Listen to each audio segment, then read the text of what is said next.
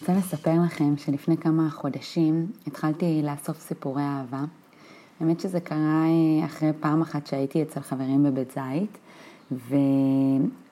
ומישהי שהכרתי שם במקרה, חברה של חברים, סיפרה איזשהו סיפור הזוי לחלוטין על איך היא הכירה את, אה, את הפרטנר שלה לחיים, היום יש להם ילדים, הם גרים ביחד במושב בצפון. הסיפור שלה הלך איתי, והחלטתי שאני רוצה אה, לאסוף סיפורי אהבה, כי אני חושבת שזה לא מקרי, וכנראה מאחורי המפגשים האלה עומד משהו שהוא גדול מאיתנו, וקיבלתי המון סיפורים אה, דרך אה, קבוצות פייסבוק, והחלטתי שאני הולכת לעשות פרקים קצרים של בערך בין חמש לעשר דקות, שבהם אני מספרת שלושה סיפורי אהבה. אחד, בשביל לתת מוטיבציה לרווקות, רווקים, לאנשים שעוד לא פגשו את אהבת חייהם. ודבר שני, זה תמיד תמיד כיף, גם למי שכבר יש לו אהבה, לשמוע על סיפורים כאלה, סיפורי היכרויות, איך מכירים, איך מממשים אהבה. אה, זה בדרך כלל יהיה על הצד החיובי. אז אה, איזה כיף, תישארו איתי, ספרו לי מה חשבתם. טוב, הסיפור הראשון הוא סיפור של בחורה בשם מילה. אני רק אגיד שכל הסיפורים שקיבלתי, אה, קיבלתי גם אישור להשתמש ולספר אותם בפודקאסט. אז אני מתחילה. היי רותם, מספרת לך איך הכרתי את בעלי. ב-2015, אחרי מערכת יחסים של כמעט 6 שנים, פלוס גור של כלב, אני והאקס נפרדנו.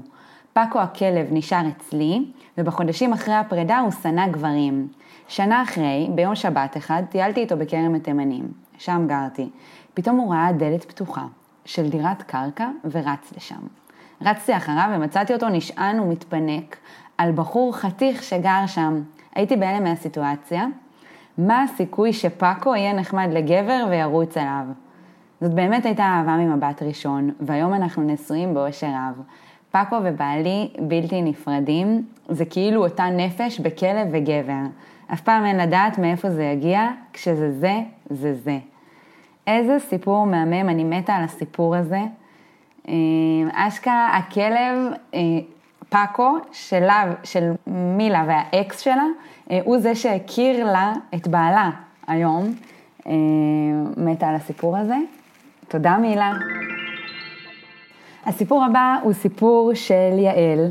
יעל, במקרה אני גם מכירה אותה, כי עבדנו פעם ביחד בצוות בידור באילת.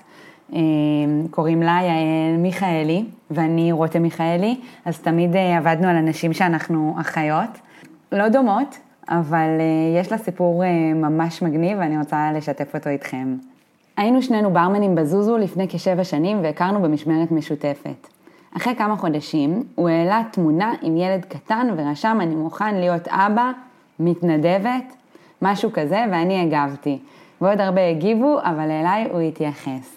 פרצוף מחייך, עיניים אוהבות. קצת פלירטוט בתגובות וקבענו דייט. ההודעה הראשונה שלו אליי בפייסבוק, בצ'אט, וזה מתועד, הייתה בוקר אור לאם ילדיי נפגשים היום. יצאנו איזה שלוש פעמים וזה התנפנף לו, עשה לי ghosting, אבל מי סופר אותו? אני הייתי דלת אוויר והוא היה עדיין אה, ברמן ועוד כל מיני דברים. מפה לשם, משם לפה, נכנסתי לזוגיות רצינית וגם הוא. אה, בערך שנתיים פלוס מינוס. הוא היה מאורס ואני חיכיתי לטבעת מהאקס, גם תכלס הייתי צריכה להתחתן. ואז קורונה ועניינים, והוא ואני פירקנו את הזוגיות ש... שהיינו, שהייתה לכל אחת מאיתנו. ואחרי חודש וחצי מהפרידות נפגשנו במקרה אה, בקנטה בתל אביב, בגן העיר, במסיבה. אמרנו שלום, הרצנו צ'ייסר, ומאז הוא רק רצה לחתור למגע, ואני סיננתי אותו בלי הפסקה, ואמרתי שאנחנו לא שם וזה לא מתאים. לאחר כחצי שנה, שוב דיברנו, והפעם החלטנו להיפגש לסתם ערב עם חברים. אני באותו יום קבעתי דייט עם, עם מישהו אחר. מאז שנכנסתי אליו הביתה, עד היום אנחנו ביחד, נשואים היום, מההודעה של בוקר אור לאם ילדיי, עד לרגע שנפגשנו שוב ונשארנו ביחד, עברו חמש שנים. אם זה לא meant to be, אני לא יודעת מה כן. וואלה, גם אני לא יודעת. איזה סיפור מתוק ונותן מלא מלא תקווה. תודה, יעל. הסיפור הבא הוא סיפור של תמר. אז בגדול הייתי בתקופה לא טובה, עניינים משפחתיים שגרמו לי לשכוח שבכלל צריך לחפש זוגיות ולזמן את זה, או כל הדברים האלה. ממש הייתי באאוט, חוסר חשק מיני, לא הסתכלתי בכלל מי הגברים סביבי, מרוב שהייתי שקועה בתוך כל מה שהיה עם המשפחה. בכל מקרה, בשישי בבוקר אחד, קמתי לידיעה הקשה, והיא שאין חלב לקפה. והמסקנה לדיכאונית שאני, היא שאין ברירה אלא ללכת לסניף בייקרי הקרוב ולקנות קפה ומאפים. הלכתי בפיג'מה, משקפי שמש, זרקתי על עצמי איזה שרי גדול שיעטוף אותי ויכסה אותי משאר העולם. והזמנתי באפליקציה שלהם קפה, ככה שאגיע ולא אצטרך לתקשר עם אף אחד, אלא רק אקח קפה ואלך.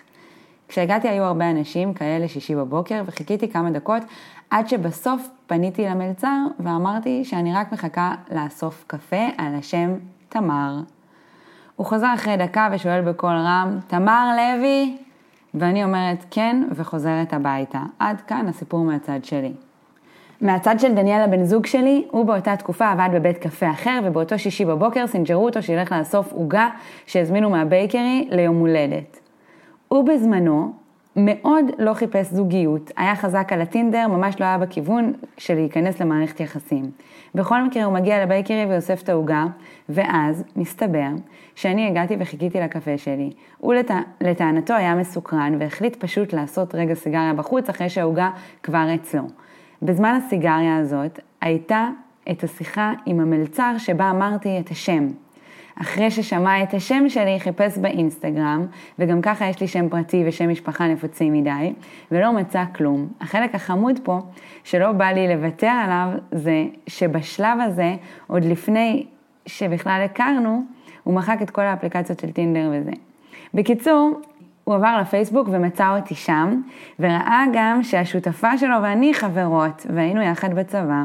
התבשל עם זה קצת, ואז ביקש ממנה שתברר אם אני פנויה, ואם כן, אז להכיר. מאז אנחנו גרים ביפו, ותכף שנתיים ביחד. וואו, איזה סיפור מגניב, נכון? אני חושבת שהסיפור של תמר מראה שתכלס, גם אם את יוצאת, יוצאת מהבית, שאת מרגישה קצת מעפן עם עצמך, או לא טוב, זה לא משנה. אה, בסוף כששני אהובים צריכים להיפגש, הם נפגשים. אה, תודה רבה לכל מספרות הסיפורים שלנו. תודה רבה למילה, ליעל, לתמר.